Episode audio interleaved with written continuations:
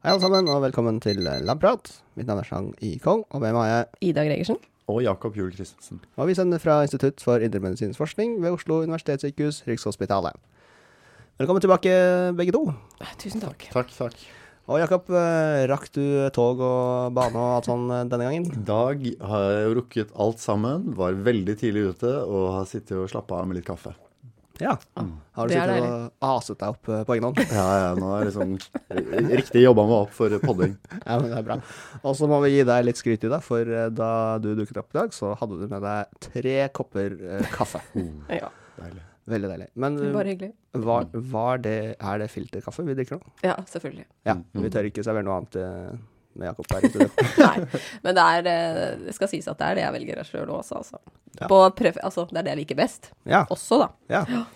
Ja, det var jo Ja, det det. det var jo den internasjonale kaffedagen her forleden dag, var det ikke? Jeg syns det er sånne dager i et kjør. Det var kanelboller, og det var Ja, vafler. det, var ikke det i går? Jo. jeg, jeg, spiste, jeg, jeg fikk ikke spist noe bolle. Man rekker ikke å hive seg rundt. å være med på Nei, Men kaffedagen, ja. Den er kanskje litt mer eh, Kaffedagen var for tre internasjonal. Ja, det var tre dager siden. Den er internasjonal. Ja. Mm. Ja. Den gikk meg hus forbi, men kaffe er hver dag, da. ja. Ja, ja. Vi eh, spiller jo nå inn denne miniserien om de eh, nye nordiske kostholdsråd. Og dette er episode fem, Fem? kan det stemme?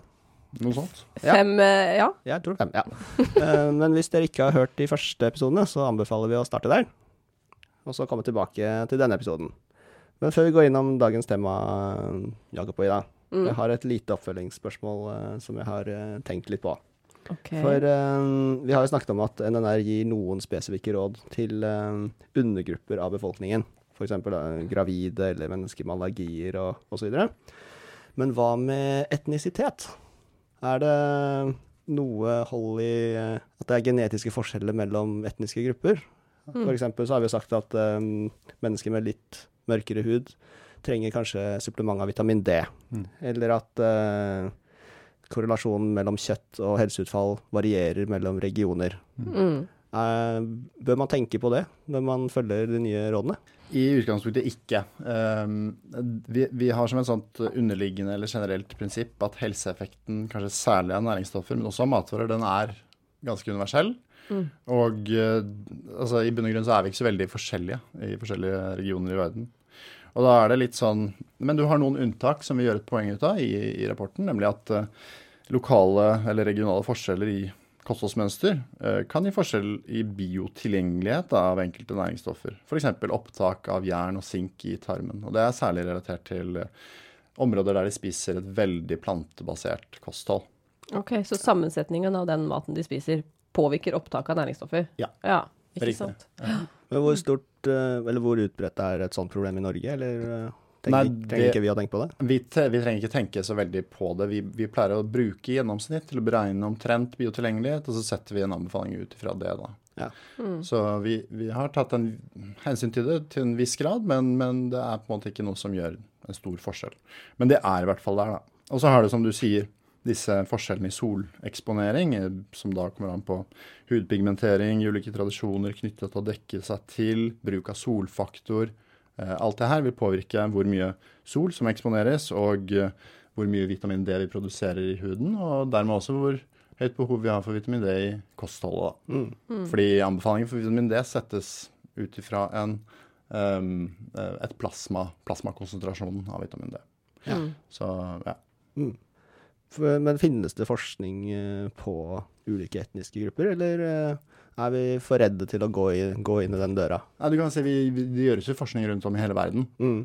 Og eh, vi oppsummerer forskning rundt om i hele verden. Og eh, når man ser på forskningen, så ser man at resultatene peker stort sett i samme retning. Og kostholdsråd rundt om i verden er stort sett de samme. Mm. Uh, det er uh, lokale forskjeller, kanskje særlig knytta til tradisjoner og religion og sånne ting, men overall ganske likt, da. Så vi, vi mener at, at behovet og anbefalingene stort sett kan være ganske like rundt om i hele verden. Både på næringsstoffsida og på matvaresida. Og så, så når noen også kommer med sånn argumenter om evolusjon, Mm. uh, at noen er evolusjonsmessig mer tilpassa det ene eller det andre, så, Så gjelder det å være litt var, fordi det her er som regel bare synsing. Da. Ja. Så jeg trenger ikke å forholde meg til uh, asiatiske kostholdsråd. Altså Gjerne gjør det, de er veldig fine, de. Uh, men de vil stort sett være ganske like som de vi, Ja. de vi har her, da. Så Jeg kan bare se for meg at uh, råd i Kina er mye mer basert på ris. ja, ja, det kan være det. Det er veldig gøy da å se. Ja, Kan ikke du prøve å finne det sjøl? ja Vi får se om jeg klarer å grave det opp. Jo, for eksempel, en, en ting som f.eks. kan være mer i asiatiske land, er jo sånn fermentert mat. Som ofte er en del av på en måte staples, da. Eh, som vi ikke nødvendigvis har så mye av eh, her, men som kanskje kommer mer, da. Eller noen områder i, i Europa har det sånn sauerkraut i Tyskland og, og sånne ting, men, men ikke noe sånn voldsomt eh, voldsom del av energiinntaket i Norge, i hvert fall. Nei. Nei. Nei, så da går du igjen på det med tradisjoner, ikke sant. Og, ja. NNR er basert på det vi spiser i denne regionen av verden. Ja, Ja. riktig. Mm. Så type fermentert mat, insekter sånne ting er ikke med. Nei, ikke sant. Det er det ikke. Mm. Men da er vi kanskje klare til å eh, gå inn på dagens tema. Hva skal vi snakke om i dag, Ida? Nei, I dag er tema klima og miljø i NNR. Ja. Og det blir veldig spennende, syns jeg. Mm, for det er første gang dette er inkludert i kostholdsråd. kostholdsråd. Stemmer ikke det? Stemmer det? Det er ingen Eller- andre i verden som noen gang har gjort det. Ikke i denne skalaen, men det er flere land som nå har prøvd, Mm. prøvd å integrere det. Danmark eh, hadde et veldig godt eh, forsøk her for et par år siden, og, og har gått, gått foran. Gjort noe nybrottsarbeid, så vi følger litt i deres fotspor. Og så Mm. utvider vi og gjør det enda mer integrert, da. Ja. Så bra. Kjempebra. Men hvem var det som bestemte at dette skulle integreres?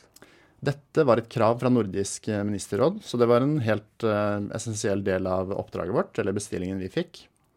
Og uh, altså, hovedpoenget som de på en måte har prøvd å få fram, er at vi må sørge for nok, trygg og sunn mat til alle. Alltid, også i framtiden. Ja, Så det er utgangspunktet vårt, da. For, for arbeidet med de nye NNR, det startet i 2016, var det ikke det? Så Ja. allerede da så fikk dere det oppdraget om å integrere klima og miljø. Ja.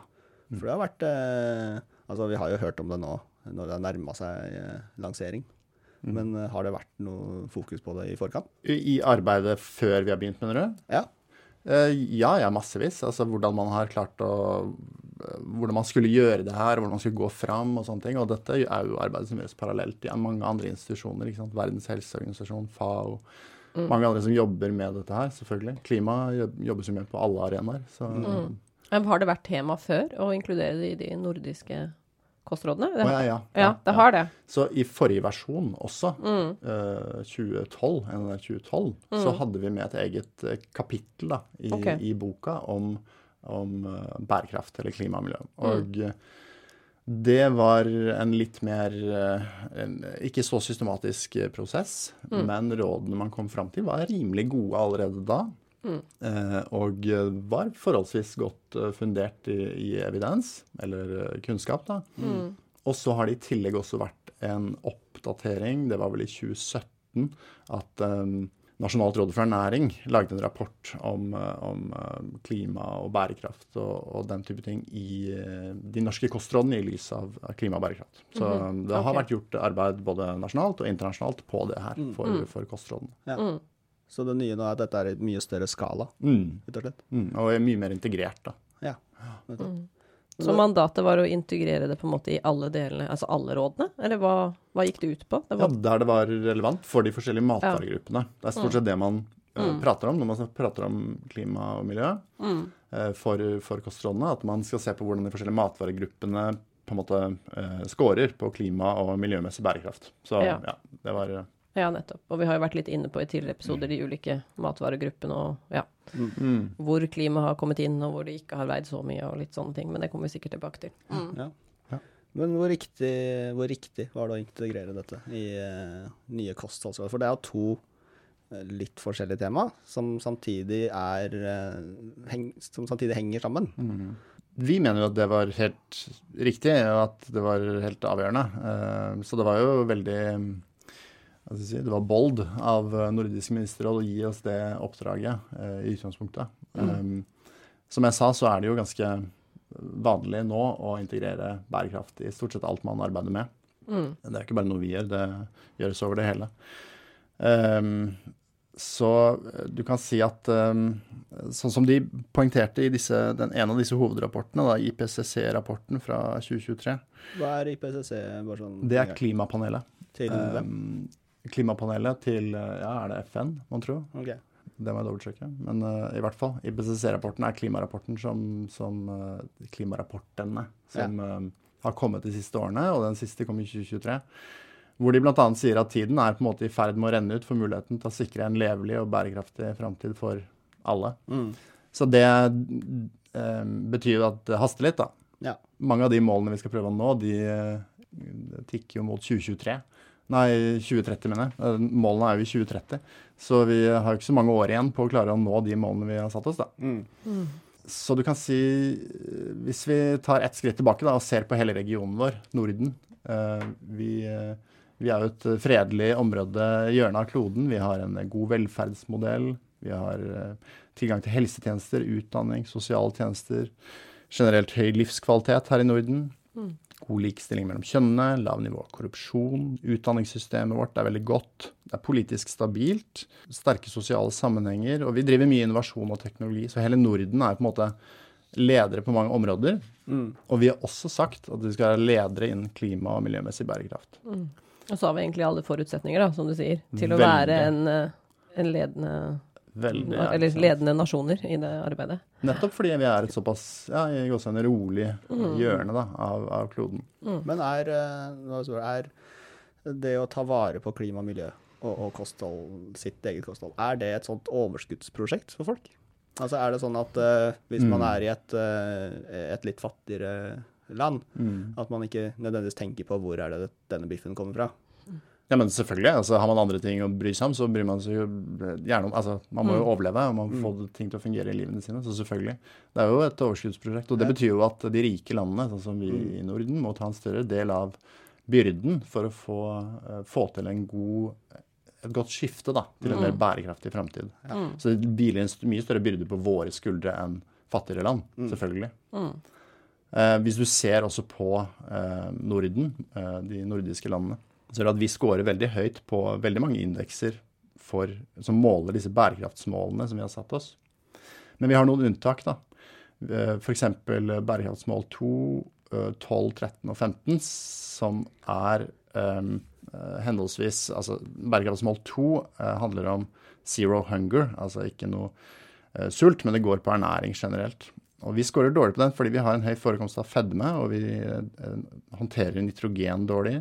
Vi har um, skåret dårlig på bærekraftsmål 12, fordi, uh, som går på responsible production and consumption.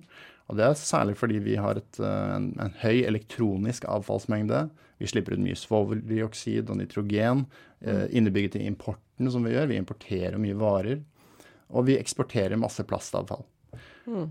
For bærekraftsmål 13, som går på climate action, så har vi et uh, høyt utslipp av CO2 uh, eh, og sementproduksjon med, uh, med, tilhørende CO2-utslipp.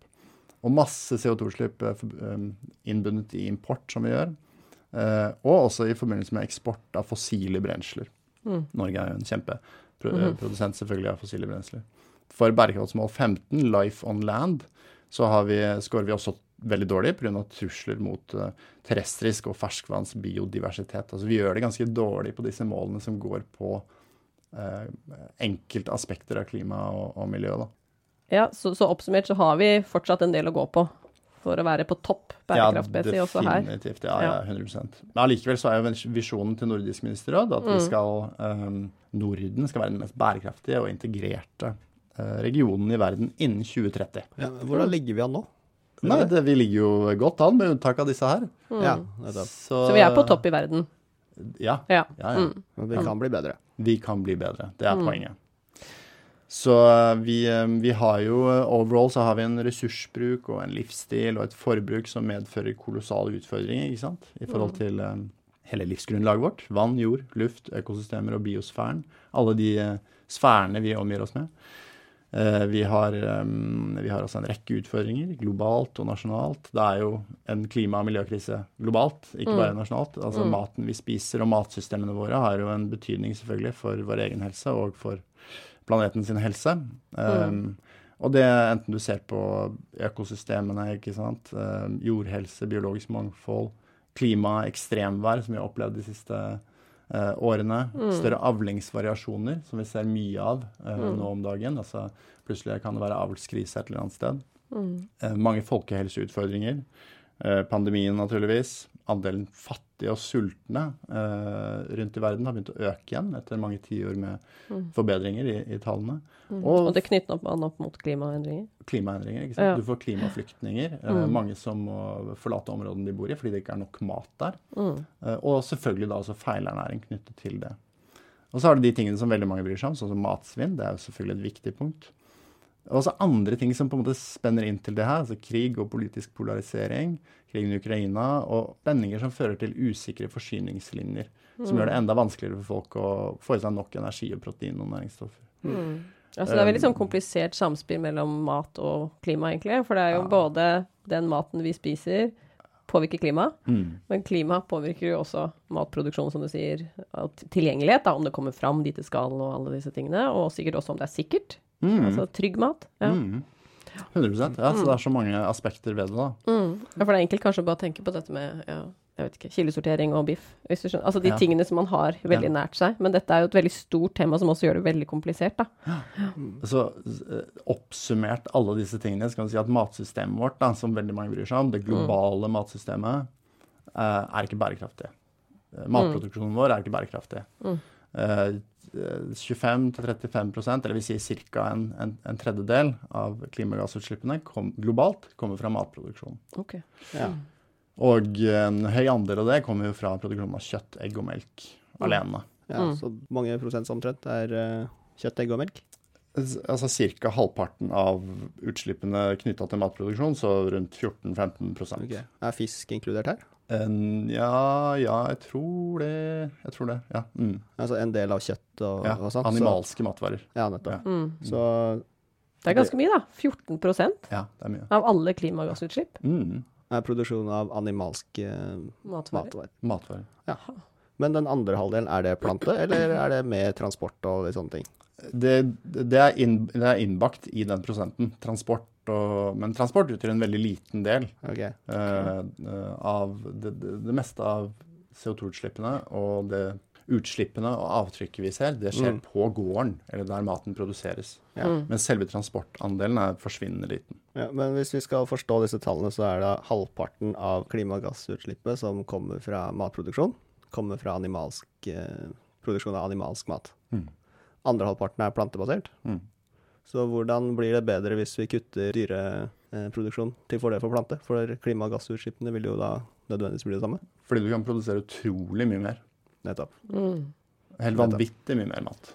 Mm. plantebasert. Enn Altså, dersom vi- du forbruker den maten og gir den som fôr til Ja. dyr. Mm. For på global skala så produserer vi mye mer plantemat enn en dyr, som per i dag. Ja, ja, men vi må jo fôre dyra, på en måte. Så veldig, veldig stor Mm. av eh, de plantene vi produserer, eller korn vi produserer, går jo til fôr. Nettopp. nettopp. Så hvis vi kutter ned produksjonen av kjøtt, så kan vi øke produksjonen av eh, plantebasert mat my i mye større skala, uten at det går utover klimagass. eh. Mm. Så vi vil, ja, litt Mm. enkelt sagt, få mye mer mat tilgjengelig, Ja. og det vil koste jorda vår mindre. Mm. Nettopp. Ja. Mm. Men det er CO2-utslipp, det er veldig mange som poengterer at ja, det er liksom en del av det. Mm. Uh, og det er vi helt enig i. Du har jo andre faktorer som påvirker, sånn som biologisk mangfold, biodiversitet og sånne ting. Mm. Uh, og avskoging, f.eks., for, for matvareproduksjon, særlig for å produsere korn til dyre, Mm. uh, dyreproduksjon, er jo en av de viktigste mm, faktorene for tap av biologisk mangfold. Da. Men er alt dette med i, i rapporten? Altså la dette, alt dette grunnlaget. Det var ikke bare CO2-ekvivalenter, som noen hevder. Helt riktig.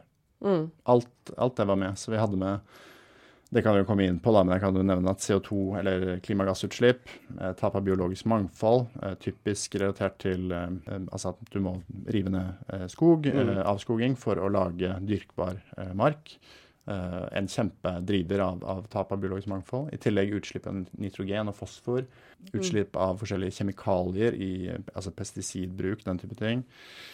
Og forbruk av ferskvann og tap av landareal. Mm. Kjempeviktige drivere av, av Eller indikatorer da, som vi har brukt i dette arbeidet. Mm. Men hvis vi skal begynne å dyrke mer eh, mat, Jakob, har vi nok vann til det?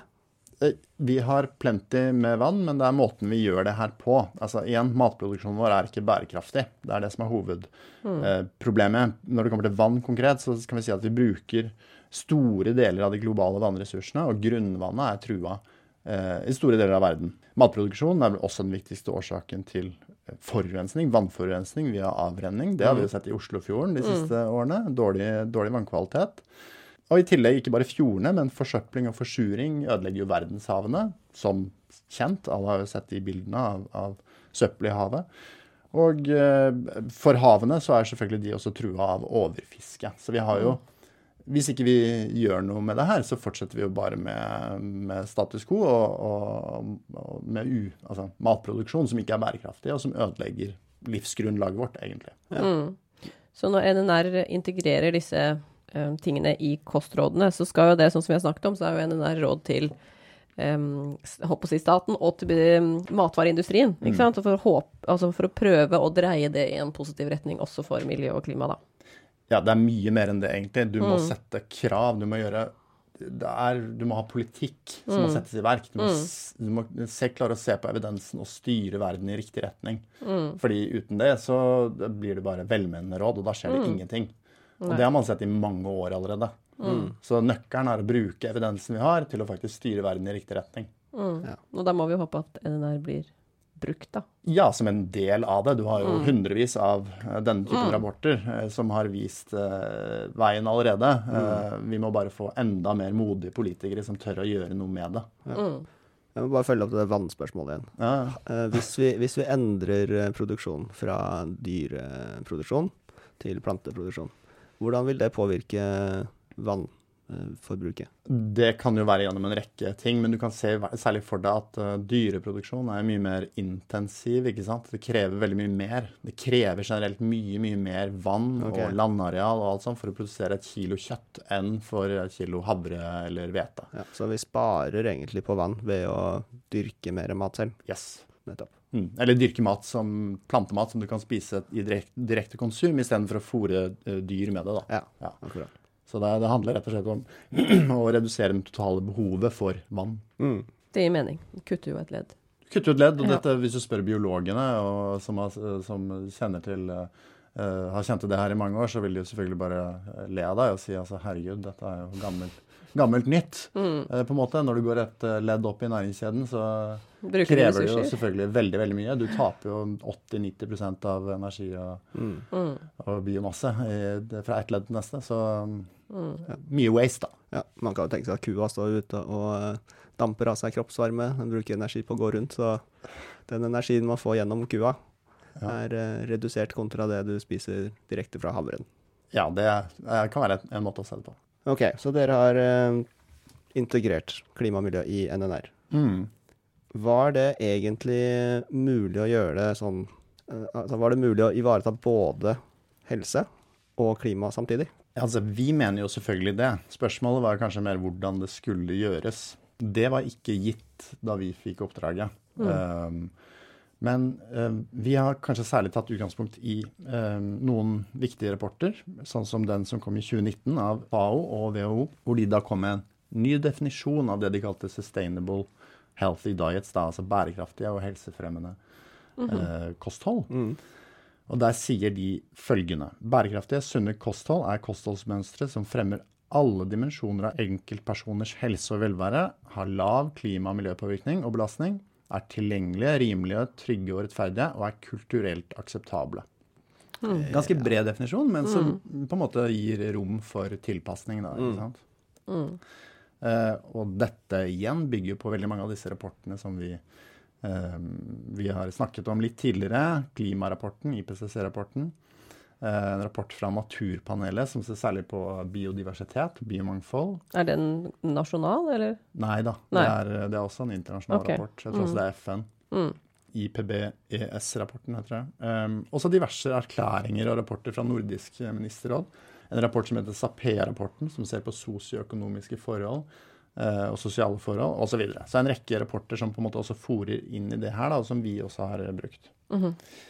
I tillegg til disse rapportene, altså um, Sustainable Healthy Diets-rapporten og disse andre, så har vi brukt de til å utvikle noen litt mer um, spissa artikler, bakgrunnsarbeider, for vårt arbeid. Mm. Hvor vi legger ut uh, litt av kunnskapsgrunnlaget uh, i en ikke, ikke systematisk review-type uh, prosess, men mer sånn um, som en vanlig review-prosess, da. Mm. Um, så det har NNR-komiteen dere har gjort, eller dere har oppnevnt noen til å gjøre? Noen av oss har vært med uh, uh, i, i, noen av artiklene, og så ja. er det andre uh, utenfor som har vært involvert i arbeidet. da. Mm. F.eks. i den første rapporten, eller første paperet, som vi så på global kontekst, vurdering av klima, klima og miljømessig bærekraftig kostholdet, så involverte vi noe som heter Chatham House i Storbritannia som er store på det her, da, og som, som, eh, utvikler den type rapporter, og som kan mye om bærekraft. Mm. Okay, så, så det er en uh, kunnskapsoppsummering? Riktig. Ja. Mm. Litt, litt, lærebokpreg, egentlig, men, okay, men ja. veldig fin som en slags sånn definisjoner, mm. bakgrunn. Mm.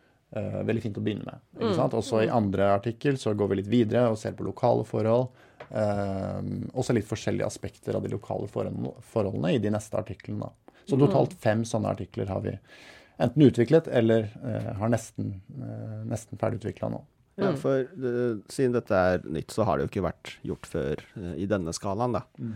Så arbeidet med dette skiller seg jo veldig ut fra arbeidet med kostholdsrådene, altså med, med matvarene. Fordi der mm. hadde dere mange kvalitetssikrede, mm. systematiske oppsamlingsstudier å mm. basere dere på. Mm. Og så har du sagt at dere vil se på ting fra ulike vinkler for å for å få klarhet i det samme vitenskapelige spørsmålet. Mm. Hvordan har, har, det vært mulig i denne prosessen, i denne delen av rapporten? Det er jo litt annerledes, kan du si det. Mm. Så det er jo et veldig fint poeng å få fram. Um, de rapportene fra FAO, WHO, Klimapanelet osv., de er jo supersystematiske. Mm. Så vi bruker jo det som kvalifiserte systematiske reviewer. Ja, Da snakker vi om f.eks. IPCC-rapporten og ja. disse rapportene. Ja. ja. De stoler vi jo på. Vi mm. stoler på at det, den evidensen de kommer med, er korrekt. Så ja. korrekt som mulig. Mm. Om de ikke kan betegnes som fakta, så er det på en måte at usikkerheten i det de skriver, er ganske liten. da. Mm. Så vi mm. stoler på det de skriver.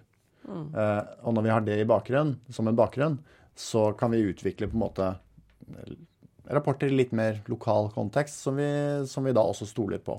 Men de følger ikke nødvendigvis slavisk de eh, prinsippene for en kvalifisert systematisk review. De følger med prinsipper av en slags eh, det vi kaller en scoping review. Det er en systematisk gjennomgang, det er et systematisk arbeid, og vi beskriver tydelig hvordan det er gjort.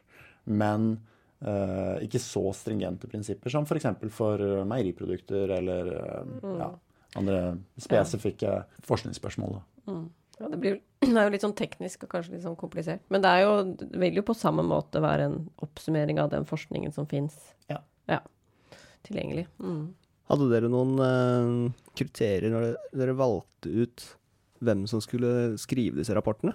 Ja, at de skulle være eksperter i feltet sitt. De skulle kunne det, holdt jeg på å si. Um, Men det var uavhengig? Dere hadde ikke noe Altså, det var ikke bestekompisen til noen dere kjente?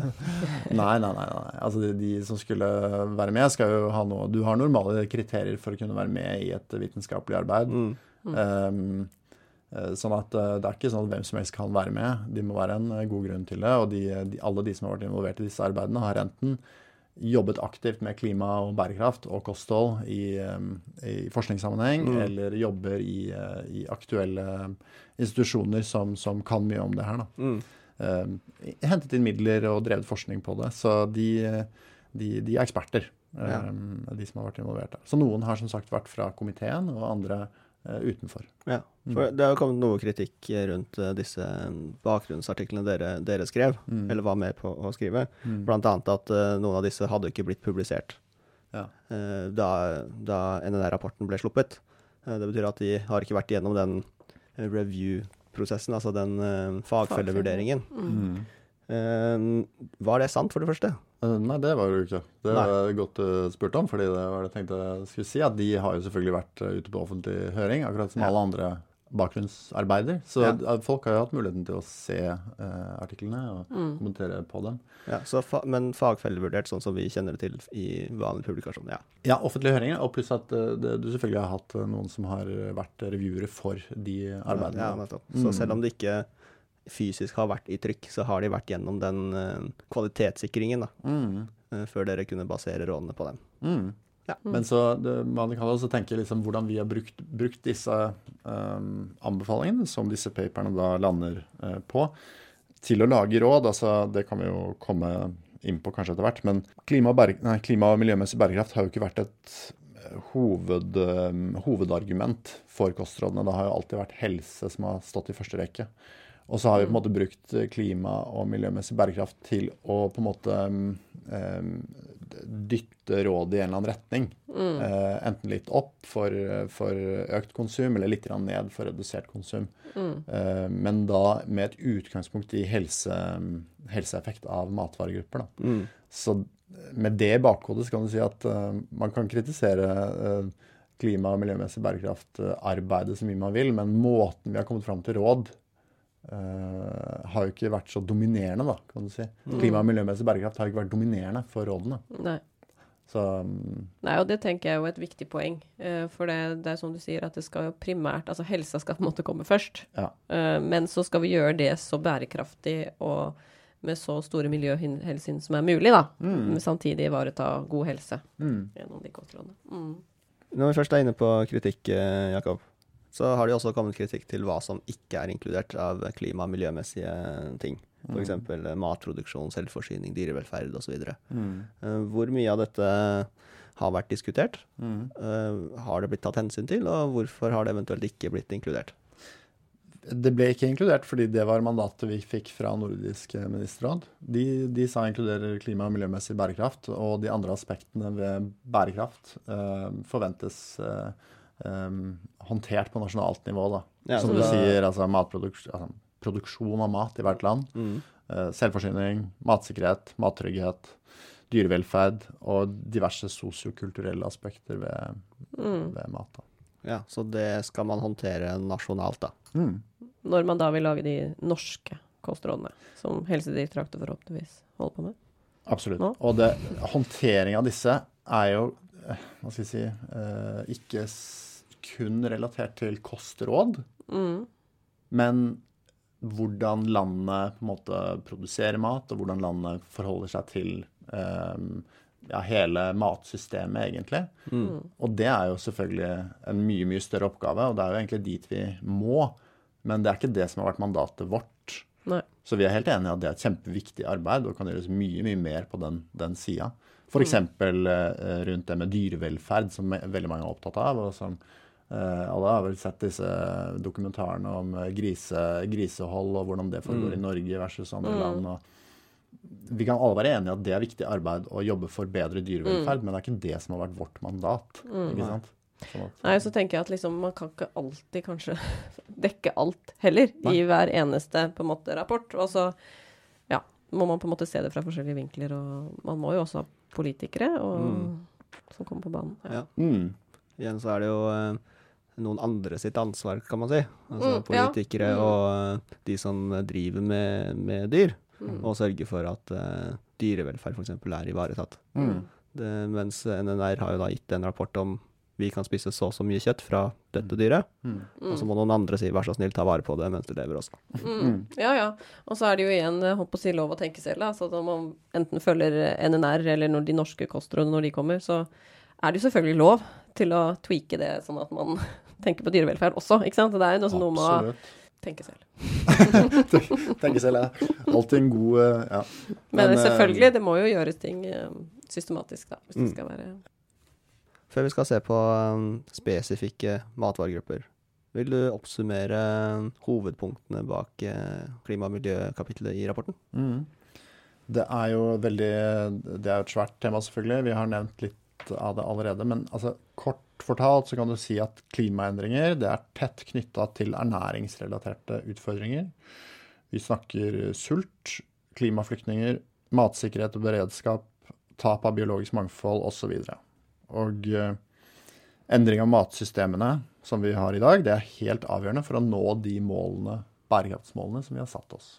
Så det er vel kanskje hoved, uh, hovedpunktene. Mm. Og så er det jo en del matvaregrupper som har blitt uh, ganske heftig debattert siden uh, rapporten kom. Ja. Hvor skal vi begynne? Nei, kjøtt vel. det er vel fort vekk der. Ja, Folk. det har vi jo vært litt inne på tidligere òg, men Ja. okay. Ok, Men vi har kanskje ikke eh, eh, konkret sagt argumentasjonen for hvorfor Nei. man kan altså, Nei, det tror jeg lavt ikke. på kjøttinntaket. da. Nei, jeg tenker det er viktig å få fram. Ja, Mm. vi kan starte med, med kjøtt. Ja, så hvis vi ser på rødt kjøtt, så skal vi si at generelt så har rødt kjøtt en veldig høy miljøpåvirkning. Eh, Det høye forbruket av kjøtt i vår region av verden er den mest betydningsfulle bidragsyteren til klimagassutslipp fra kostholdet i de nordiske og baltiske landene. Mm. Altså Den negative miljøpåvirkningen er særlig knyttet til metanutslipp fra drøvtyggere, men også fôr som bidrar gjennom gjødsel, pesticider og vann- og arealbruk. Mm. Særlig at du, som vi snakket om, ikke sant, driver avskogning og, Mm. og uh, får større områder for å dyrke uh, fôr, uh, som du da gir til dyrene. Mm. Dette ekstra leddet. Det er et Det med ekstra både leddet. vann og andre ressurser. Ja, ja. Men, så, men så kan du argumentere for også at det er noe positiv miljøpåvirkning Mm. Um, relatert til beiting og biodiversitet. Ja, for det er jo blitt tatt opp at ja, men da vil jo utmark gro igjen, f.eks. Mm. Og at det er eh, noen eh, arter som trives i beitelandskap. Mm. Mm. Eh, så hvordan skal man eh, Og det er, kjempe, det er et kjempefint poeng, og vi, vi har på en måte det i bakhodet til enhver tid når vi snakker om disse tingene. Vi kan jo tenke litt på eh, hvordan vi, hvordan vi produserer Hvordan vi har det i beite, beitelandskapene i Norge i dag. Da, og det, det, det bildet av eh, Dagros som går ute på eh, i liksom idyllisk alpelandskap i, i Norge, det er til en viss grad riktig, men ikke nødvendigvis heller. fordi matproduksjonen i Norge og andre steder, den vil ofte sentraliseres Mm. Mm. og effektiviseres. Når det skjer, så vil ikke nødvendigvis folk Eller så vil ikke det bildet være så riktig lenger, da. Nei. Nei. Kuene går ikke fritt og beiter. De går ikke fritt. De står kanskje store deler av livet inne Mm. og får kraftfôr. Mm.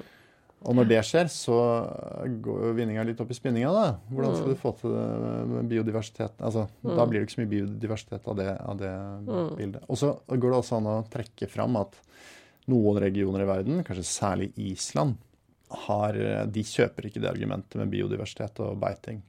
Nei. Og grunnen til det, det er at eh, de eh, har jo hatt masse eh, beiting, særlig fra sau, da, Mm. opp gjennom åra. Og de har hatt overbeite. Okay. Så veldig mye av biodiversiteten som de på en måte hadde, er Mm. forsvunnet. Ja, ja. Spist opp. Spist opp. Så det, det, de sliter Det kan gå andre veien òg, si. Ja. Ja, ja. Så de, de, de her må jo altså, finne nye løsninger da, på å introdusere litt biodiversitet igjen. Ja, og så tenker jeg det er jo også Nå anbefaler vi jo ikke Nå sa du vel riktig nok når vi snakket om rødt kjøtt i kjøttepisoden vår, Mm. så sa du vel at eh, For nå er det anbefalt maks 350 gram i uka, ikke sant? Rødt kjøtt. Ja. Um, og at med tanke på klima, sikkert da mest klimagass, da, så kan man gå, eller, så kan man gå egentlig lavere. Mm. Men man anbefaler jo ikke, i hvert fall per nå, å gå i null. Så Mm. man vil jo alltid ha noe. Så jeg tenker sånn, den der, Hvis det, det skulle være argumentet da, med biodiversitet, så ville man jo bevart det. Man sier jo ikke at man skal slutte å spise kjøtt, Nei, nei, men det er en reduksjon. Det er en reduksjon. Og uh, man, eh, det, det er stor forskjell på å ikke spise noe og, og det å spise litt. Mm. Ikke sant? Fordi hvis det er næringsstoffer man er opptatt av, så vil man da få litt jern, litt sink, litt B12 osv. Mm. Fra, fra det lille kjøttet man spiser, versus eh, ingenting, hvor man kan tappe lagrene sine ikke sant? i Ja, større grad. grad. Og da ville man jo også da i teorien si man hadde da politiske føringer for at eh, man skulle prioritere dette, altså å ha um, beitende dyr, da. Så vil man jo kunne få i pose og sekk der, egentlig. Mm. Så det, øh, men i hele den beitedebatten så er det litt sånn Det er vanskelig å forholde seg til, fordi mye av dette er, drives jo av effektivisering. ikke sant? Det drives jo av at vi har et globalt matsystem som krever effektiv produksjon. Og da må jo land selv velge de å produsere ting, inkludert produksjon av mat, som de er mest effektive på, eller egna til. da. Ja. Og hvis vi, vi, det er mulig, vi er veldig egnet til å produsere kjøtt eh, sentralt, men kanskje ikke så mye i periferien uh, i liksom klassiske beitelandskap. Det kommer litt an på, ikke sant? Så man må se hva er, det, hva er det vår region er mest egnet uh, for å produsere, og så må vi eksportere noe av det. Spise litt selv, eksportere. Og så må andre land gjøre det samme. Mm. Men er Norge egnet til å produsere mer enn nok kjøtt, da? Eh, vi Nei, som sagt, da. Da blir det jo fort vekk sentralisert, da. Fordi det er ikke effektivt nok. Men vi, vi har jo mye subsidier. Så vi kan gjøre, altså, i gåsehudene gjøre det effektivt eh, ved, at, ved at vi får det til allikevel. Akkurat hvordan dette fungerer, kan ikke jeg så mye om. Men uh, i teorien så, så vil andre land som er flatere og enklere å ha med å gjøre, være eh, bedre egnet for produksjon av kjøtt enn akkurat oss. Fordi det er vanskelig å få frakta melk og dyr til slakteri osv. Mm. Um, rent logistisk så er det et større problem enn dersom det er et flatt land. Mm. Så um, Ja, men så har du det sånn som vi har snakket om, med ja, tradisjoner og ikke sant. Alt dette som, som man må ta på, på um, nasjonalt nivå, da. Som Ja. ikke var NNR sitt mandat. Så det, ikke Ja. sant. Det, veldig mye av dette er ikke vårt mandat. Men dette Nei. var som en, eh, som en eh, kommentar til nettopp dette med biodiversitet og beiting, som veldig Mm. ofte trekkes fram. Og ja, vi er enige at det kan være en positiv effekt, men det er litt vanskelig å kjøpe det argumentet 100% i dagens system med Mm. effektiv matproduksjon. Uh, ja. Og så som sagt da, enkelte land som uh, har hatt dårlig erfaring med, med tap av biodiversitet pga. overbeite. Mm. Men det siste punktet da, på kjøtt er kanskje at um, Vi kan nevne gris også, fordi det er jo ikke en rødtrygger. Men eh, eh, klimagassutslipp fra gris er jo da lavere uh, og potensielt bedre, men, men høyere enn andre matvaregrupper. Men der er det også særlig miljøproblemer knytta til uh, fôrproduksjon og håndtering av avføring og sånt. Mm. OK, så det var rødt kjøtt. Men hvordan var det med hvitt kjøtt igjen? Hvitt kjøtt er generelt, når du ser på de forskjellige indikatorene vi har brukt, Mm. så scorer hvitt kjøtt lavere. Så det er på en måte bedre enn rødt kjøtt. Ganske gjennomgående. Mm. Uh, men uh, det er fortsatt høyere enn f.eks. plantematvarer. OK. Ja. Så det ligger på en måte i mellomsjiktet et sted, da. Mm. Um, ja, men det er særlig også problemer knytta til produksjon av fôr og eh, håndtering av avføring, da, igjen. Ja, nettopp. Ja. ja, fordi det det er vel ikke noen anbefalinger om å redusere, var det, hvis jeg husker riktig, å holde det på det nivået vi har nå, holdt jeg på å si? Ja, riktig. Ja, vi, Ja. vi sier vi vil helst ikke at folk bytter ut alt det røde kjøttet med hvitt kjøtt, Nei. men heller prøve å bytte ut uh, mer med, med belgvekster og, og Mm. poteter og korn og den type ting. Ja, Mm. nettopp. Og det var da basert på klima... Riktig. Fordi hvitt kjøtt per se, der har vi ikke noen isolert helseeffekt, verken positiv eller negativ. Nei. Der er det mer sånn hva du sammenligner med. Mm. Uh, sammenligner du rødt kjøtt med hvitt kjøtt, så framstår hvitt kjøtt som bedre. Sammenligner du hvitt kjøtt med belgvekster, så framstår det dårligere. Ja, Mm. Ok. si. Men Mm. i seg selv så virker det ganske nøytralt, da. Ja. Så må vi snakke litt om eh, fisk og sjømat. For Mhm. det er et tema vi ikke har hørt så mye om, kanskje. Mm. Og vi har heller ikke snakket om det i denne miniserien. Nei, Av en eller annen grunn så har det liksom ikke skapt så debatt, om man skal si det. Ja, og det er jo interessant, fordi vi har en voldsom kjøttdebatt, men eh, ikke så mye Mm. om eh, fisk. Og vi er jo produsenter av begge deler, kan Mm, du si. mm. Men Eh, spiser folk mye fisk i Norge? Vi spiser en del, men eh, vi, vi kunne spist mer. Ja. Generelt så sier vi at vi har litt å gå på. ja. Mm. Ja. Så, selv om vi er en fiskenasjon og spiser mye fisk, så, så ja, har vi fortsatt eh, mer helse mest. å hente. Eksporterer veldig mye. Ja. Mm.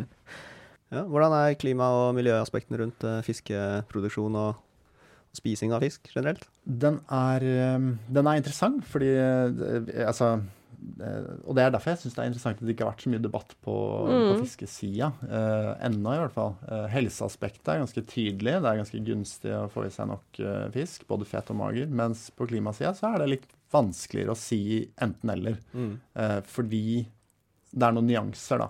Mm. Um, når det kommer til fiskeproduksjon og fiske generelt, så snakker vi om bærekraftig eh, produksjon og, og fiske av eh, bærekraftige villbestander. Da. Ja. Mm. Eh, Så, Ja, det, og da blir det jo litt komplisert. I hvert fall sånn når man står i, i butikken, da. veldig Ja. 100 sånn at uh, jeg kjenner i hvert fall ikke enda noen sånn god merkeordning som vi bruker i Norge på, på det her, men du burde jo burde gjøres mulig for forbruker å vite hva type fisk som er Mm. uh, har kommet fra en god uh, bestand, da, eller bærekraftig produksjon. Ja. Mm. Fordi det er det vi sier, da. Velg bærekraftige eh, villbestander og fra bærekraftig produksjon av fisk. Ja. Mm. Jeg tror Det fins vel lister, sikkert sånn, jeg tipper Framtiden i våre hender og sånn, har i hvert fall lister på de villbestandene som er eh, best, holdt på å si sånn miljømessig. Men akkurat dette med bærekraftig produksjon og oppdrettsanlegg og sånn, det jeg vet jeg ikke. Nei. Eh, I hvert fall ikke sånn lett tilgjengelig, vil jeg si. Nei. Så der burde det jo skje noe, da. Absolutt. Ja. Og regulering, ikke Mm, minst. selvfølgelig. Det er jo man der det må skje først, kanskje. setter Mm. krav til, til de som produserer og fisker. Ja. For én ting er jo hva vi kan gjøre som enkeltpersoner, Ja, ja. hvilke, Mm. hvilke initiativ vi kan ta selv. Mm. Eh, Men eh, til syvende og sist så er det jo noen som styrer dette landet og den Mm. produksjonen, som må inn og regulere det og komme med noen eh, gode retningslinjer. Mm. Og kanskje litt uh, oppfølging av disse retningslinjene, Mm. eh, som må sørge for at det blir bedre over hele fjøla, da. Mm. Mm.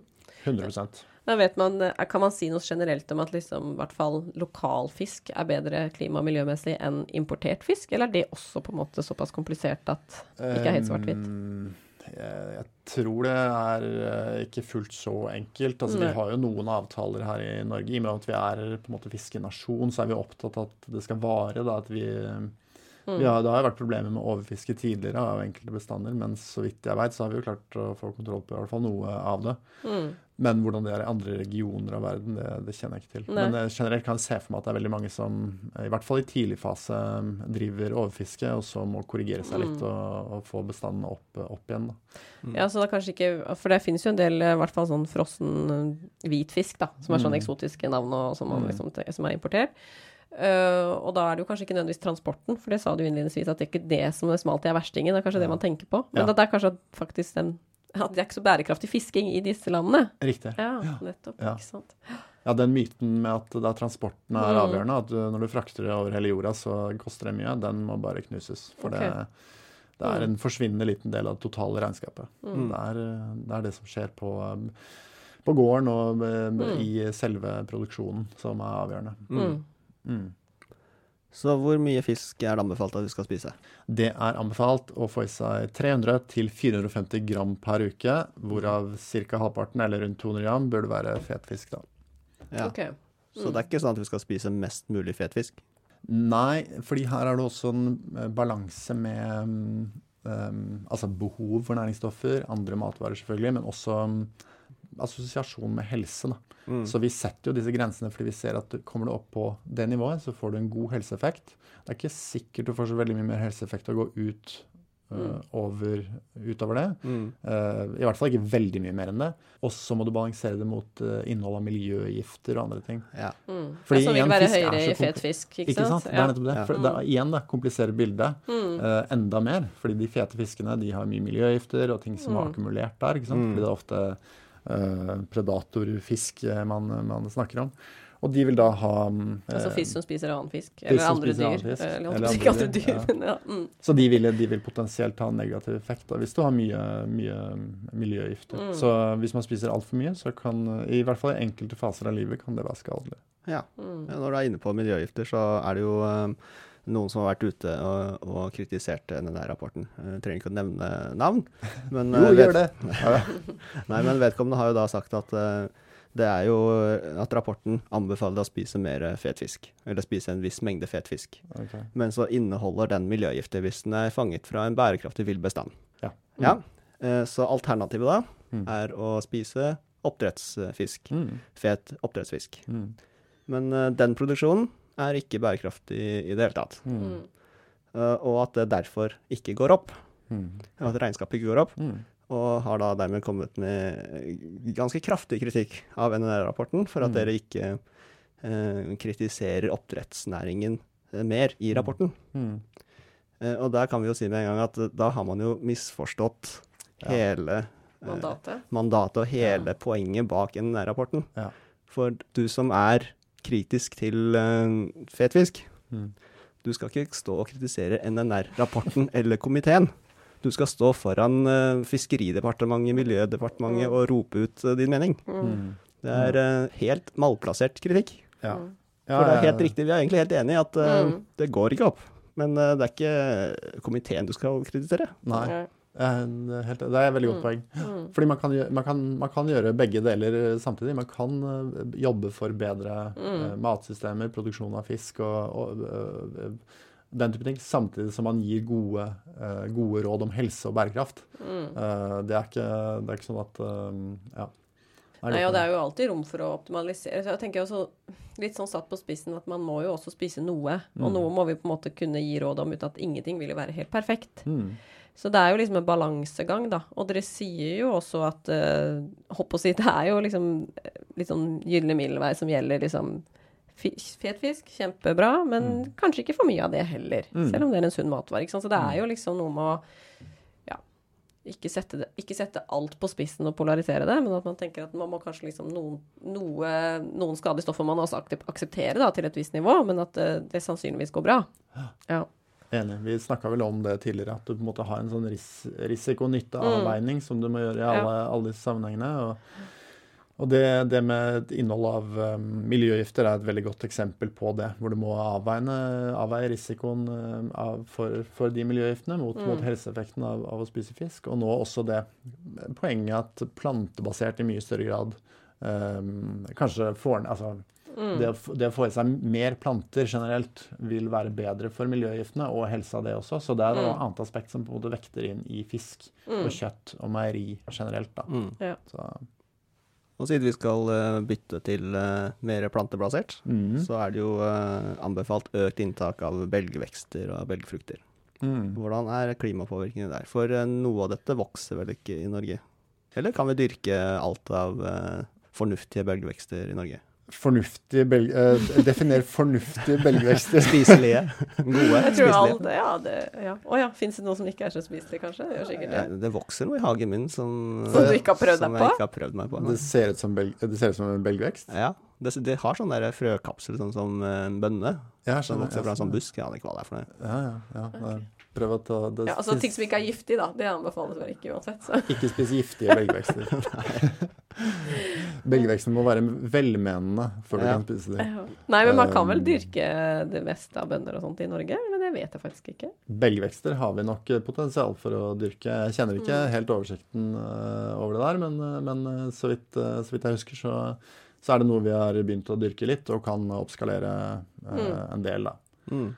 Og vi har jo alltids drivhus, så det går alltid an å sette opp drivhus Ja, ja. og dyrke, dyrke ting hvor som helst. Mm. Og belgfrukter eller belgvekster de er jo fine, fordi de har lav miljøpåvirkning. Har lang holdbarhet da, hvis de tørkes og, Ja, og lagres ordentlig.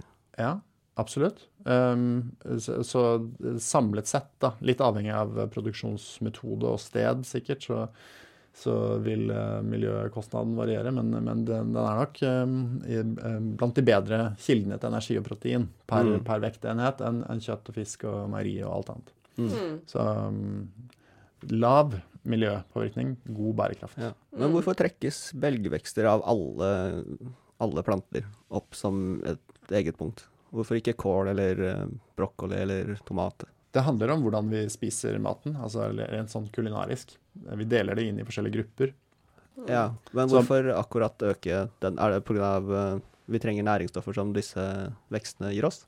Så hvis du, hvis du kutter ned på animalske matvarer og skal spise um, mer plantebaserte matvarer, så er det litt sånn at um, forskjellige plantebaserte matvarer bidrar med forskjellige næringsstoffer. Mm. Så man spiser variert. Og belgvekster kan være en veldig viktig kilde til enkelte aminosyrer. uh, essensielle eller livsnødvendige aminosyrer. Mm. Som eh, vi trenger for å bygge opp kroppen. Og hvis vi ikke får i oss så mye av det, så, mm, så vil vi potensielt eh, Eller blir det vanskelig da, å få et, eh, et balansert kosthold. Mm. Så aminosyrer er jo de byggesteinene som proteiner er bygd opp av. Mm. Så det vil jo på en måte for mange være et eh, proteinbytte, liksom. At Mm. når du kutter ut, eller kutter ned på kjøtt eh, og eller fisk, så kan du gjerne øke da andelen belgfrukter. Mm, Og da også vite at det er greit for miljøet. 100 Mm. Så um, det anbefales. Men vi spiser jo veldig lavt. Eh, vi Ja. spiser veldig lite belgvekster i Norge i dag, da. Så Mm. det er, eh, Det er mye å gå på. det er kjempemye å gå på. Så Ja. um, Jeg så jo danske, Det er en digresjon, da. Men jeg så, du snakka litt om de danske kostrådene i, i, litt, i tidligere episoden. Mm. Og de har jo hatt De er veldig på på sosiale medier. Det danske, hva heter det? Fødevarebestyrelsen, eller noe sånt? Fødevarebestyrelsen, Ja. ja. De hadde jo en sånn eh, morsom musikkvideo i fjor, så? Ja, med belgvekster. For å prøve å gjøre det litt kult med belgvekster, så det anbefaler jeg å gå inn på Instagram. Hva, Eh, hva, hva fuck er en belgfrukt? ja, noe sånt. Ja, det anbefales. Ja, veldig morsom. Veldig morsom. Kom, kommer dere med video? Jeg håper det. Altså, det der er jo bare så eksemplarisk uh, gjort. Uh, meget god helsekommunikasjon. Ja, Så jeg håper virkelig bra. at Helsedirektoratet får til noe tilsvarende. Vi får leie inn de samme folka. da. Ja, ja, ja. Utrolig uh, k- kult eh, band som driver Kølner, Kølnerdom, tror jeg Ja, ja, stemmer. Det stemmer. Ja, det stemmer. Veldig Kanskje vi skal legge ved link til uh, Ja, Spille en liten eh, snutt på slutten av Ja, det må episoden. vi gjøre. Mm. Ordentlig sånn kul sånn 70-talls Ja, den er skikkelig catchy. Det er det verste, at man blir Ja, ja, liksom, man får den liksom litt på hjernen. Ja. Ja. Mm. Har du noe glede deg til, sjøl? Ja, ja, ja. jeg har ikke Dette har gått meg hus? Nei, jeg har ikke gjort herregud. det. Nei. Jeg tenkte når jeg så den, så tenkte jeg på eh, Men det er kanskje fordi jeg har sett mye Hakkebakkeskogen de siste årene. Men Ja. eh, har du sett en grønnsaksspisesang? ja, ja. ja. Der hadde vi jo også eksemplarisk helsekommunikasjon fra Det er jo veldig mange år siden, da. Mm. Men, eh, men eh, den eh, litt sånn eh, revitalisering av grønnsaksspisesang fra Hakkebakkeskogen er ikke så dum, den heller. Nei. Mm. Det var en digresjon. Det var en Det, digresjon, var, ja, ja. det kan man kalle en digresjon. Ja. Men da kanskje folk husker det bedre Ja, til ja, neste ikke gang. sant. Ikke sant? Ja. Men det vi kanskje har spist mer av her uh, i Norge, er jo potet, da. Ja. Sånn tradisjonelt, i hvert fall. Hvordan er det nå? Nå er det falt noe voldsomt. Ok. Eh, Så på en måte potet, eh, poteter, rå poteter, eh, ikke rå da, men Kokt. kokt eller stekt. Ren potet, eller- liksom. Ja, ren Ja. potet. mm. Er falt veldig, Mm. mens potetprodukter er økt eh, en Mhm. del da. Mm. Så vi spiser en del potetprodukter, men uh, fremdeles sammenlignet med hva vi spiste for 50 og 100 år siden, så er det jo forsvinnende lite det òg. Mm. Er det et resultat av en sånn lavkarbotrend som har vært? Ja, nei, det begynte lenge, lenge, lenge før det ble populært. Ja. Eh, det, altså den nedgangen begynte lenge før det ble populært. Man Sånn at, spiser eh, kanskje mindre tradisjonell mat. Altså liksom At det er det som liksom har Ja, det tror Jeg jeg, ikke. Ja, Det er ikke så mye sånn mer, eh, potet og kjøtt og fisk-middager lenger, kanskje? Når man ser på liksom utviklingen i eh, matkulturen i Norge også, så ser du Mm. hvordan den har endret seg gradvis de siste ja, 100 årene. ikke sant? Det Mm. skjer så gradvis. og ned, Nedgangen i potet kan nok være et resultat av bare endring av kulturen og hvordan vi, hvordan vi spiser mat. Mm. Ja. Men hva sier klimarådene, holdt jeg på å si, om det? Klima... Nei, poteter er jo gull. Altså, Mm. miljøpåvirkningen er blant de laveste blant alle matprodukter. Så, Mm. um, og noe som støtter opp poteter som en del av et plantebasert og sunt uh, kosthold. Og vi sier jo, sier jo nettopp det, at det kan være en betydelig Akkurat som belgfrukter, så kan poteter være en betydelig del av kostholdet. Ja, Mm. så det kan bytte ut For det er jo da fortrinnsvis kanskje en sånn ja, karbohydratkilde, da. Altså sånn på lik linje med pasta og ris og sånn, eller er det liksom blanding av det og grønnsaker, eller hvordan Altså, lanserer la man det nå? eh, la oss nå si, eh, si det sånn at poteter er en litt egen eh, kategori. Det er en egen Det er en litt egen kategori. Mm. Hvis eh, Vi snakka nettopp om belgfrukter, altså hvorfor snakker vi om det liksom Mm. separat? Ja, ja. Men uh, poteter er også litt uh, for seg selv. Mm. Og de fleste ser på potet som en kilde til karbohydrat og energi, og liksom that's it. Ja. Men uh, potet er også bare en sånn supermatvare. Her kommer det, nå kommer det igjen. Nå lyser det i øynene på. Jakob her. Nei, men du, når dere, dere tenker liksom bare kaffemannen, men jeg er egentlig potetmannen. Skjønner du? Jo, men det, poteter er bare så bra. Det, Ja. Vi har eh, kjempebra proteinkvalitet. Mm. Så Ja, det tror jeg ikke mange tenker på. nei, det er kjempebra sånn, proteinkvalitet, eh, kjempebra karbohydratkvalitet. Ja. Fiber, Fiber, ikke Ja, sant? mm. Massevis av næringsstoffer. C-vitamin. kan C-vitamin. Så når du snakker om det der, Har du sett den reklamen om egg? Eh, Ja, at det bare- er- inneholder alt utenom C-vitamin. Ikke sant? Mm. Potet. Alt inkludert C-vitamin. Mm. Mm. Nettopp. Ja. Jeg lurer på om Sørlandschips hadde det på posene sine som reklame. At du må spise så og så mange poser Ja. for å få dagsbehovet for C-vitamin. Ja. Igjen, da. Kanskje kokt potet, eller liksom Ren potet er vel det man anbefaler, ikke Ikke sant? Og da, men her kommer vi inn på et fint poeng. Altså, folk vil jo misforstå Ja, uh, alt ja, mulig rart. Men ja. det vi selvfølgelig prater om, er matpoteter, ikke potetgull. Ja. Sånn at uh, ja. Ja. Nei, OK, så bra. Så mer potet både for miljøet og kroppen. Det er Yes. konklusjonen. Ja. Yes, Og yes. ja. Mm. Ja, Det er bra. Vi må snakke litt mer om, eh, om den debatten som har vært. Eh, Mm. både kritikk og ros, eh, regner jeg med. Mm. Eh, du, har, du og dere har sikkert fulgt mer med på det enn meg. Men eh, har vi noen hovedpunkt eh, vi har lyst til å trekke fram når det kommer til eh, debatten som har gått i media? Ja, altså, altså, herregud, for en debatt. Det er jo vi i Norge som driver og holder på med det her, da. Først og fremst. Ja, Ok. Hvordan er debatten i de andre nordiske og baltiske landene? Nei, det har vært eh, stort sett en veldig god mottagelse av alle disse rådene. Så det er eh, Norge er igjen litt sånn annerledes eh, landet, som okay. oppfører seg litt sånn um, okay. spesielt, da. På akkurat dette med kjøtt. At vi ikke aksepterer, og vi velger å se bort, og vi, vi liker det ikke, og alt det her. Mens mange, mange andre land de sier bare ja, ja, men dette gir jo 100% mening. Kjør på. Ok. Ja. Men er det litt sånn at um, NNR har fått mindre fokus i media, eller har det bare vært mer positivt mottatt? Ja, kanskje mindre fokus, men det er Ja. jo eh, Det har vært, vært mye fokus eh, i andre land eh, også, Ja. selvfølgelig særlig i Norden og Baltikum, da, men, Mm. men den har vært mye mer positiv okay. generelt, for, også med tanke på klima. da. Ja. Danmark, ja, eksempel Danmark, da, det er ikke noe oppsiktsvekkende at det kommer eh, integrering av klima og miljømessig bærekraft i Danmark, for de gjorde jo det for noen år siden allerede. Mm. Så de er jo på en måte Ja, ja. What's new? Ja, på en nettopp. måte. Ja. Ja, da kan vi håpe at eh, Norge kommer, kommer dit. Etter hvert, da. Ja, ja. Ja. Så um, Nei, men noen hovedpunkter. Vi hadde jo den der debatten på NRK, som noen kanskje fikk med seg. Ja, var det før rapporten kom, eller etter? Det var når den var på høring, eller sånn? noe sånt? På høring, tror jeg. Så det Ja. var mellom høringa og publiseringa. Ok, Ja, ja. Så begynnelsen av juni-ish. ja, kanskje litt før det òg. Kanskje Ja. mai. Ja. Mm. Uansett. eh, Og tittelen var liksom 'Forskere sier spis så lite kjøtt som mulig'. Ja. Men um, Og så men, var det jo, for Hvis jeg husker det riktig, så var eh, dere la, la, la dere bare på nedre grense av hva som gjelder nå.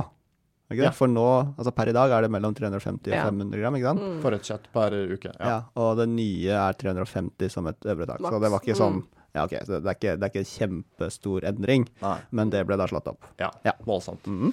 Så det, da var det jo en debatt, og folk kom inn og diskuterte, greit nok. Eh, og så, for ikke så veldig lenge siden, eller eh, noen måneder siden, da, så var det statssekretæren i HOD, Helse- og omsorgsdepartementet, mm. eh, som gikk ut og sa da i eh, avisen at de norske kostrådene skal være basert på hva som er bra for helsa. Eh, Det betyr ikke at klima- og miljømessig påvirkning ikke er viktig, sier han, men de vil ikke bli integrert i de norske nasjonale kostrådene. Mhm. Så altså dette mandatet som Norsk ministerråd har gitt NNR, Ja. det tenker ikke egentlig Helse- og omsorgsdepartementet å ta med seg videre når de lager de norske rådene. Er riktig. Så det går jo ikke an å tolke det her på noen annen måte enn at dette er fordi Arbeiderpartiet Altså statssekretæren fra Arbeiderpartiet da, um, uttaler seg også fordi de er i regjering sammen med Senterpartiet, da, ikke sant, som har sterke interessekonflikter eh, Så knyttet til, eh, landbrukspolitikken. landbrukspolitikken. Da. Ja, men hva sier, altså, hva sier Miljødepartementet om dette? Hvis det heter det nå, det vet jeg faktisk ikke. Ja, altså hvis du går og ser til miljø eh, Men det er jo flere andre politikere, jeg kan nevne det først. Flere andre politikere, f.eks. fra Venstre. Eh, I hvert fall muligens flere som har eh, fra uttalt seg og sier at dette er både uakseptabelt og uansvarlig. Og, Mm. så det er på en måte eh, en liten kamp som pågår også rent sånn politisk. Da. Men eh, Men hvem er det som til syvende og sist skal lage de nasjonale rådene? Jeg skjønner at politikere er med, Mm. men hva med fagpersoner? Hva med de som skal tolke rapporten og oversette til forståelig språk til politikerne våre? så vidt jeg veit Jeg, vet ikke hvem som er involvert Nei. i arbeidet, men jeg regner jo med at det er fagfolk i Helsedirektoratet. Mm. Det regner jeg med. Ja. Um, og det tror jeg. Mm. Så det er jo de som tar det her, og har sikkert god erfaring med hvordan man eh, gjør den type prosesser. Mm. Mm. Men det vil jo sannsynligvis, uten at jeg egentlig vet hvordan det fungerer heller, ha, det vil jo være politiske føringer sikkert for hva de kan inkludere, da. Så hvis Helt sikkert. Så Mm. det blir interessant å se. Det hadde vært gøy å vite litt mer om den prosessen.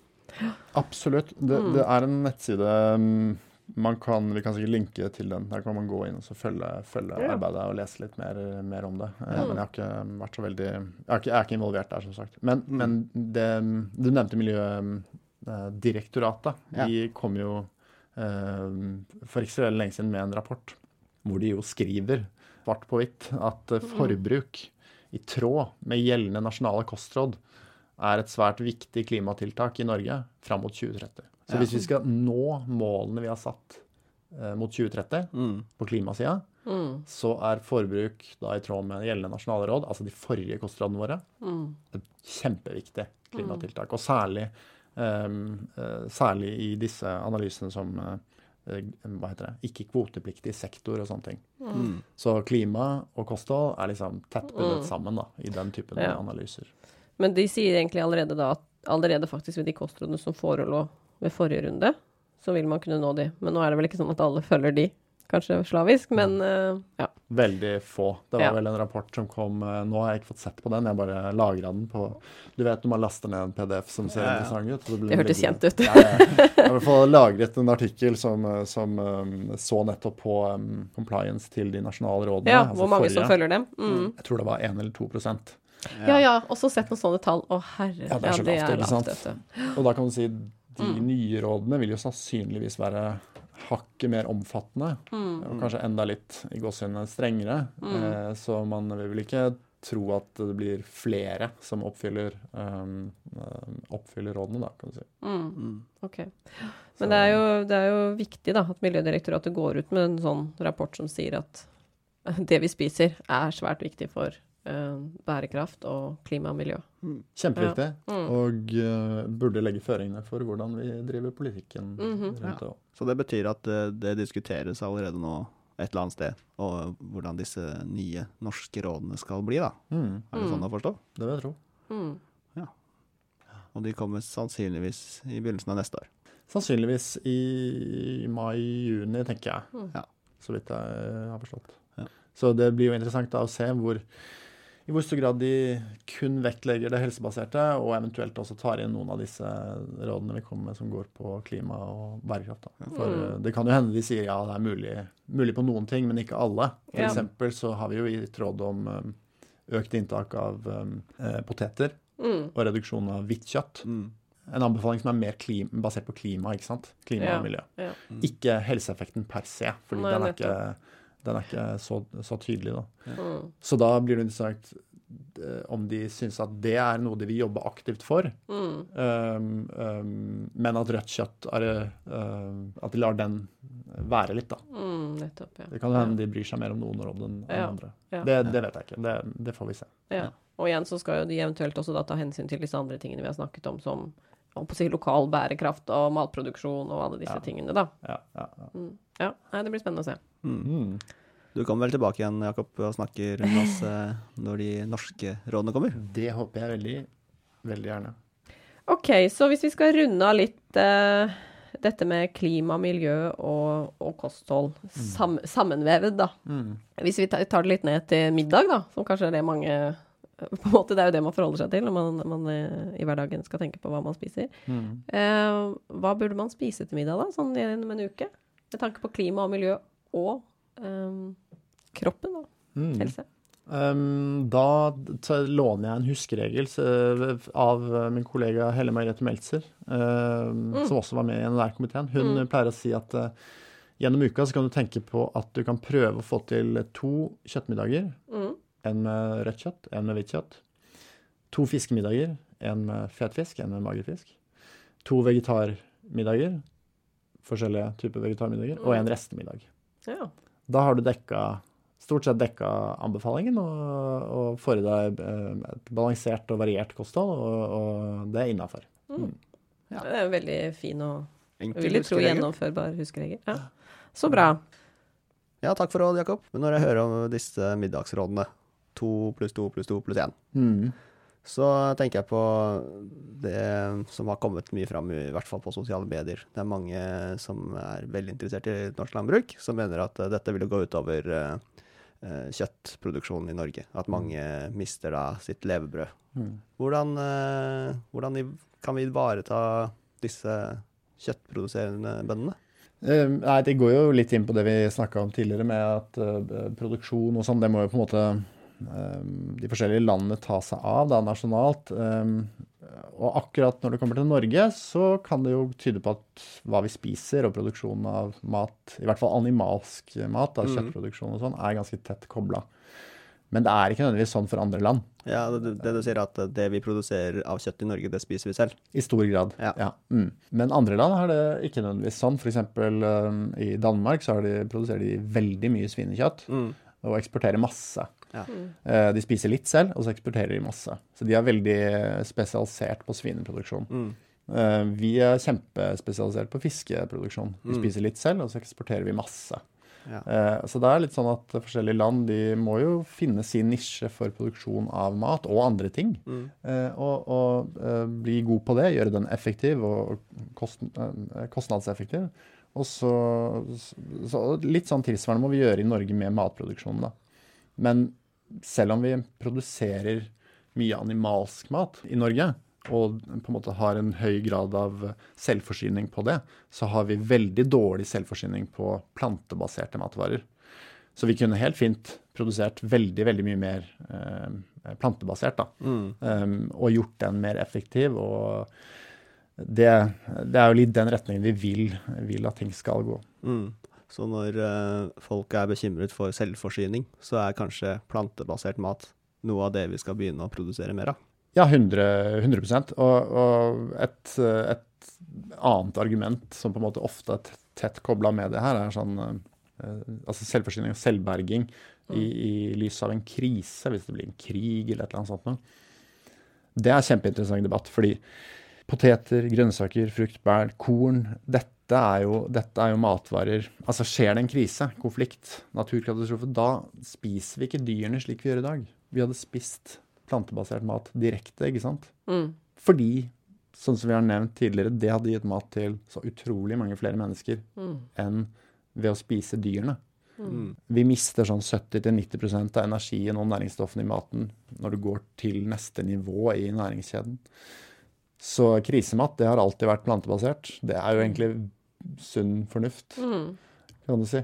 Um, og, men drøvtyggere kan ha en rolle hvis vi produserer det um, på en, på en bærekraftig måte. Hvis vi fôrer dem med litt sånn grovfôr, ikke sant? gress og strå og sånn. Mm. Men det er jo ikke det vi driver med i moderne landbruk.